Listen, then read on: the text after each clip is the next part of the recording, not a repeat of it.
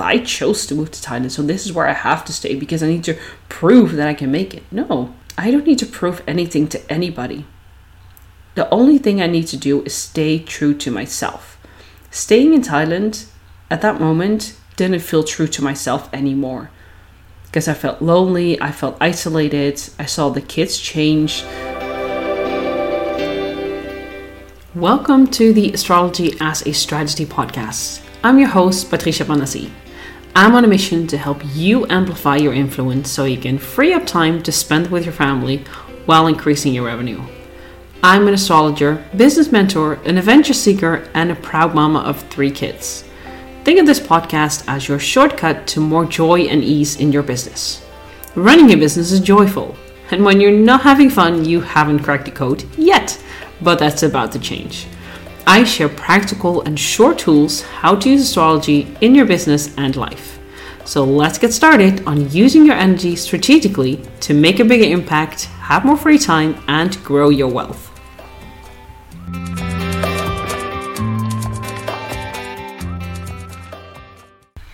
Astrology hasn't always been part of my life, and I wasn't one of those astrologers who, as a very young girl, wanted to become an astrologer or was fascinated in astrology, actually, my story starts a little bit different. And in today's episode, I want to show you and walk you through what my personal journey was like in studying astrology as well as starting my own business. Now, for that, we have to travel back a few years because what I went to college for is not even close to what I'm doing these days. I actually went to university to study to become an interior architect, and I actually received my master's degree in design. But after I graduated, it was in the middle of the crisis in 2007, 2008, and there were no jobs to be found, especially not for something like interior design. So instead of moping around and being disappointed that there weren't any jobs around, I decided to pack my backpack and travel around Southeast Asia for, well, I didn't really have a plan, just for a few months. So I left to go to Thailand with a friend of mine. We traveled around for a month together and then I went off on my own for the rest of the time. Now, I have to say, this journey is loaded with signs. Wherever I went, whatever I did, there were so many signs pointing me into the direction to actually pay attention to this. So, what ended up happening when I was traveling by myself, I was going to take a bus to the border of Laos on the Mekong River, but the journey took way longer than I expected, as it does in Thailand. So I ended up staying one extra night in a guest house, a beautiful, sleepy little town on the Mekong River. And that day, the next day, I met three people who were actually volunteering at a local organization. I really wanted to do some volunteer work, but I didn't want any big organizations run by Western people. I really wanted something local. They were actually volunteering at a local organization run by a Thai guy, and were so enthusiastic about it that I thought, well, let's just check it out. So a day later, I went there and this is one of those first signs. In the evening, we actually did a rat barbecue. I know it sounds weird, but it was really fun. There was a beautiful, bright full moon that night. We were in the middle of the rice fields and drinking local Thai whiskey, surrounded by Thai rice farmers who actually uh, were hunting the rats because the rats eat their rice. So they hunt them. And just for the record, these are the rats that eat only things in the rice fields and not the kind of sewer rats that you find in cities. So these are quite clean. so they shot them. We actually barbecued them and I ate them. And no, they don't taste anything like chicken. Far from it. It was quite tough meat. But it was an experience. And I can tell that I actually ate rats in the middle of rice fields in rural Thailand. After that night, I decided this is a cool place to stay for a few weeks. So I ended up um, teaching there English in local schools. But I loved it so much that I didn't just stay a few weeks. I actually ended up staying there for four months. But the teaching wasn't the reason why I stayed, because I ended up falling in love with the person who runs the project, who is now my husband. And it was it was just magical there. For the first time in maybe even in, in all of my life, I was really able to let go. I was able to be in the moment in such a profound way that I've never experienced before. There was nothing that I had to do. There was nothing that I needed to prove. I didn't need to be anybody else. And that's also why I think our relationship started off being so profound because, well, first of all, we spent 24 7 together because I stayed at his parents' house or his and his parents' house. So there was no hiding. From the first time you step out of your bedroom in the morning until you go to bed, it was just that. So, from the very first moment, it was very honest, very real, very open and something that I've never experienced before because I could really be myself. And you know, mostly when you start dating, you actually try to be the best version of yourself. And even though I tried that, of course, to be the best version of myself, also the real you comes out because, I mean, you cannot keep up a sort of best version of yourself all day long, every day for several months. So it was so profound to just, and I just lay in that hammock overlooking the rice fields, just drinking a cup of coffee and just listen to the sound of nothing. The sound of nothing was so profound to me. And I really discovered new layers within myself where I was really able to sink into a deeper layer of trust, a deeper layer of connection with myself. But there came an end to those four months, and I decided to travel a bit further in Southeast Asia. At the end, we met up again, and this is the second sign that I had. I was supposed to fly back. We were supposed to have two days together in Bangkok before I was flying back to Holland. And what will you know? there was a very rare eruption of a volcano in Iceland. And the ash, the ash clouds were covering Europe, so I couldn't fly back home. It took a week. So we had an extra bonus week together. And at the end of that, we just said our goodbyes and said, okay, well, this is it. This is where our journeys part. Um, we had an amazing time. I'm not going to move to Thailand. You're not going to move to the Netherlands. That's it. So we said goodbye. Fast forward nine months later, I still had him in my head, decided to visit him to see if we actually have a future. I went there and I was like, oh, damn, this is real. Now what? Then I decided um, to move there. So I flew back home. I worked for a few months to save up some money. And then in 2012, I decided to move to Thailand. But I was always very realistic. Like, if this not working out. If the relationship doesn't work out or I just don't like to live in Thailand, then I will just move back home. That's okay. Like, I didn't put any high expectations on myself because I learned not to do that anymore and to really be in the moment. And I actually ended up loving it. I lived there for almost seven years and I absolutely loved the slower pace of life, the ability to turn inwards and to really focus on my own development. In that first year, I went to an amazing yoga retreat where I met one of my best friends, um, who at that time was living in Bangkok, but she's from Germany, and we had such an amazing connection there.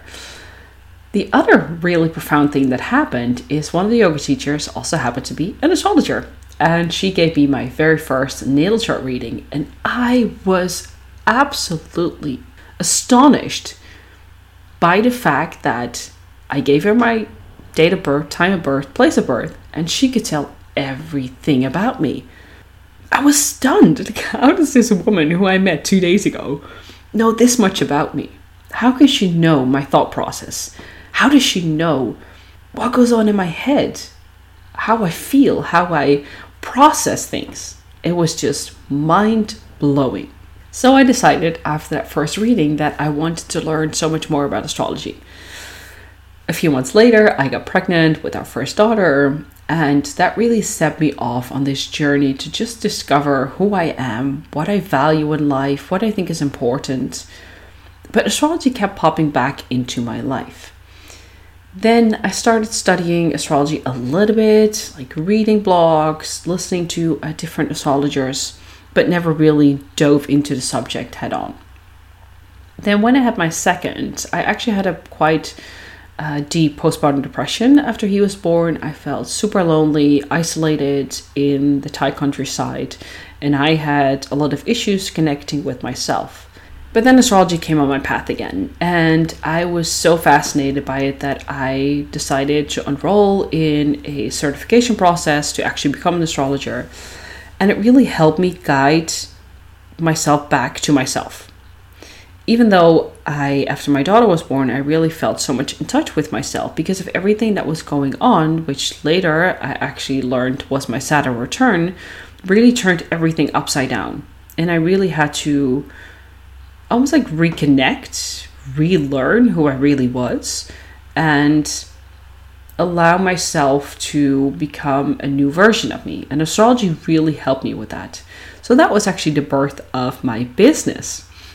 But my very first entrepreneurial experience actually started a little bit before that when I had my own Etsy shop making crochet items for babies little blankets, little toys. And I loved doing that because it really gave me the sense of independence and I was doing something for myself. What I didn't like is that I had to work really hard for very little money. So it wasn't anything sustainable. I kept it up for, for quite a while, but in the end, I knew like this is not really something that I can sustain.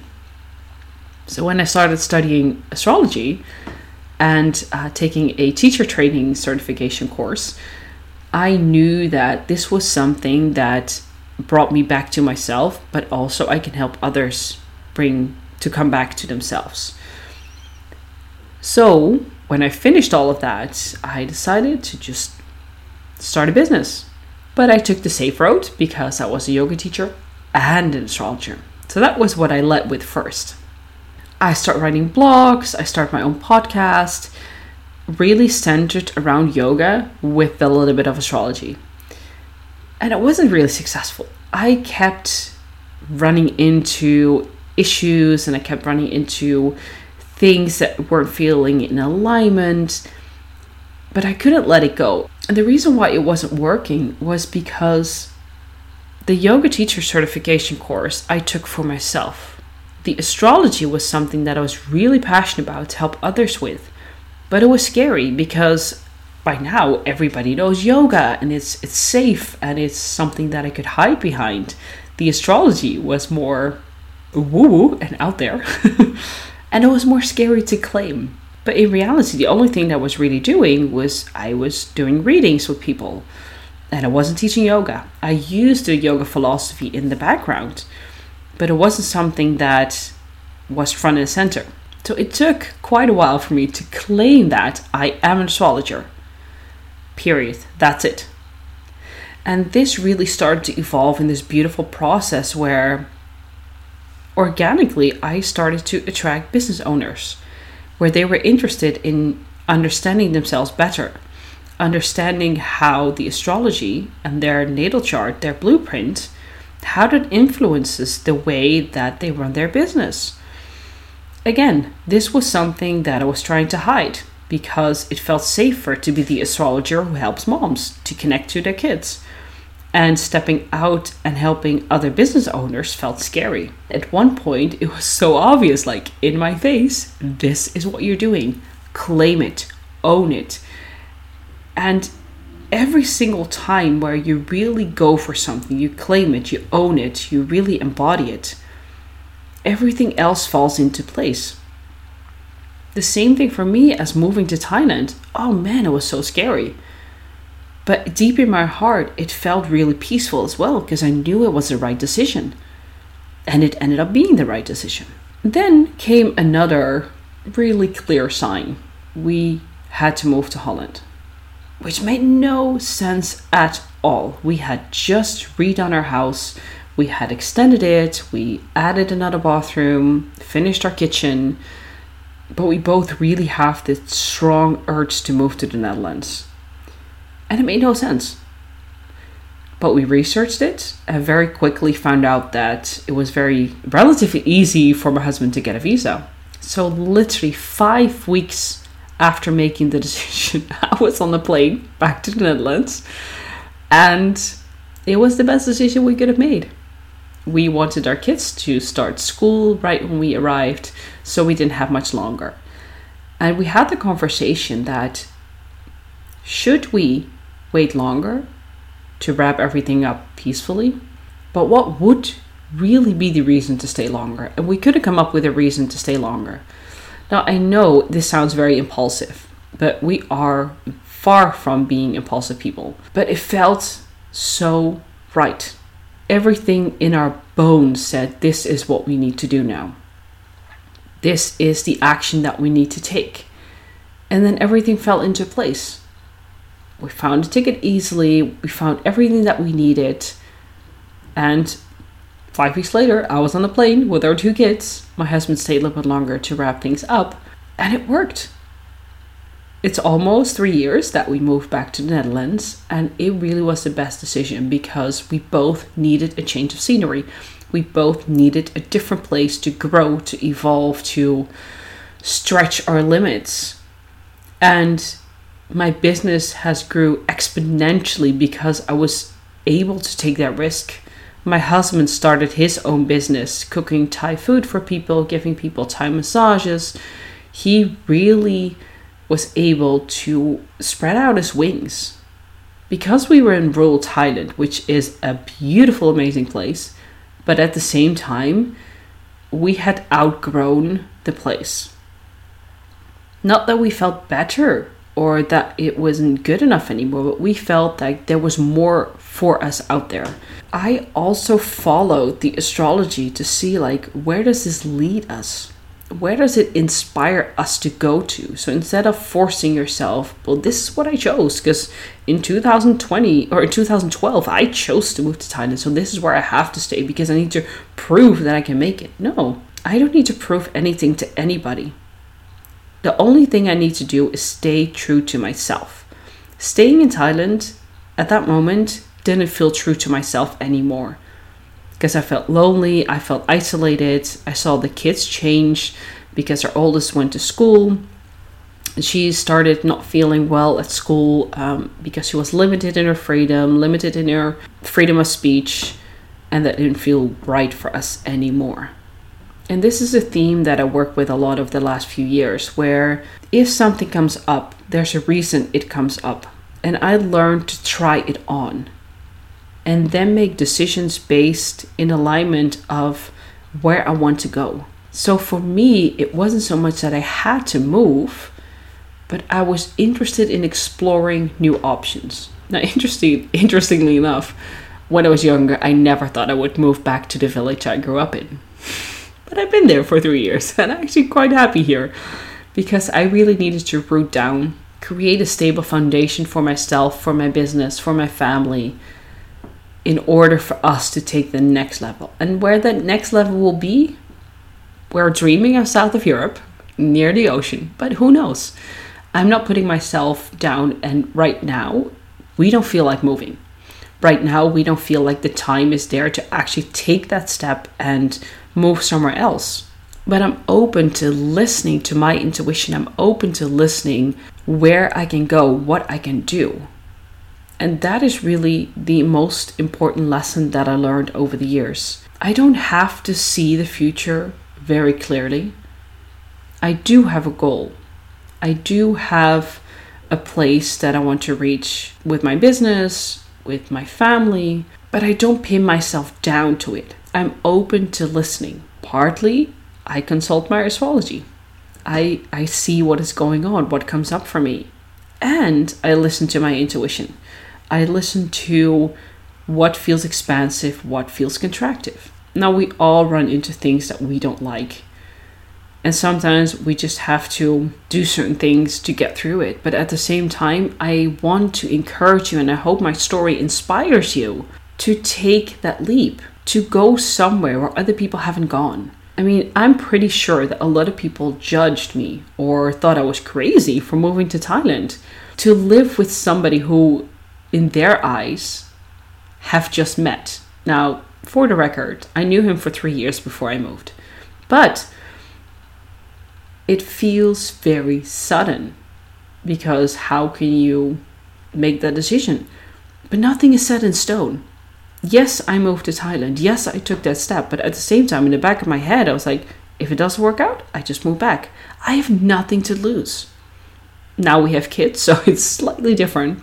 We have three kids now because our last daughter is born here in the Netherlands, but I still challenge myself to keep that flexible mindset. If it doesn't work out, we just change directions. What is the worst thing that can happen? What was the worst thing that could happen for us moving here to Holland? Nothing. We still have our house back in Thailand. Worst case, we would have just moved back to Thailand. It is, we can make things so much bigger in our head. But once we take the plunge, once we take that step, you'd be surprised how far it can take you. It is scary to do things that other people haven't done before, or to be the first one in your community or the first one in your family to do certain things. But if you feel guided, if you feel like that's where you want to go, why not go? And you don't need to take that step right away. Moving across the world in five weeks is something that I wouldn't necessarily recommend. It worked out for us, but it also came with quite a set of challenges. But when I moved to Thailand the first time, I took almost a year to plan, to prepare, to work, to save up money. It's not something that I quickly did, but I knew deep down that this, this was something that I was meant to do. And I took a step every single day to work towards that goal. And that is really something that I hope, if there's one thing that you learn from my story, is that you can take that step one step at a time. You don't have to do a 180. What if you can change one degree today and a one degree tomorrow and one degree the day after? You will see that each time when you change your direction a little bit, you get closer to what inspires you, to what you are led towards. And the destination doesn't even have to be clear as long as you enjoy the journey, as long as you enjoy the road that you're on. That is really the most important lesson that I learned. To enjoy the road and listen to your intuition. Listen to the inkling deep inside of you telling you this is where you're meant to be. And you are where you're meant to be anyway. But the more that we can embrace it and the more that we can feel into it, the better it will get. I hope this gave you the inspiration, the permission to be even more yourself, to be more at ease, to be more peaceful at where you're at while you are taking the steps to go towards where you are going.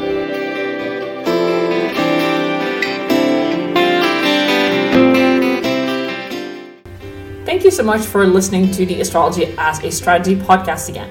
I love to hear your insight from this episode. Screenshot and tag me on Instagram in your stories or on your feed. You will inspire others to have more joy and ease in their business, and I love to see who's listening. One last thing I love creating free content for you. Would you like to do something in return? Go to iTunes, subscribe, and leave a review. This helps the podcast to be found more easily so this message can reach more people. Thank you so much for listening, and I will catch you next time.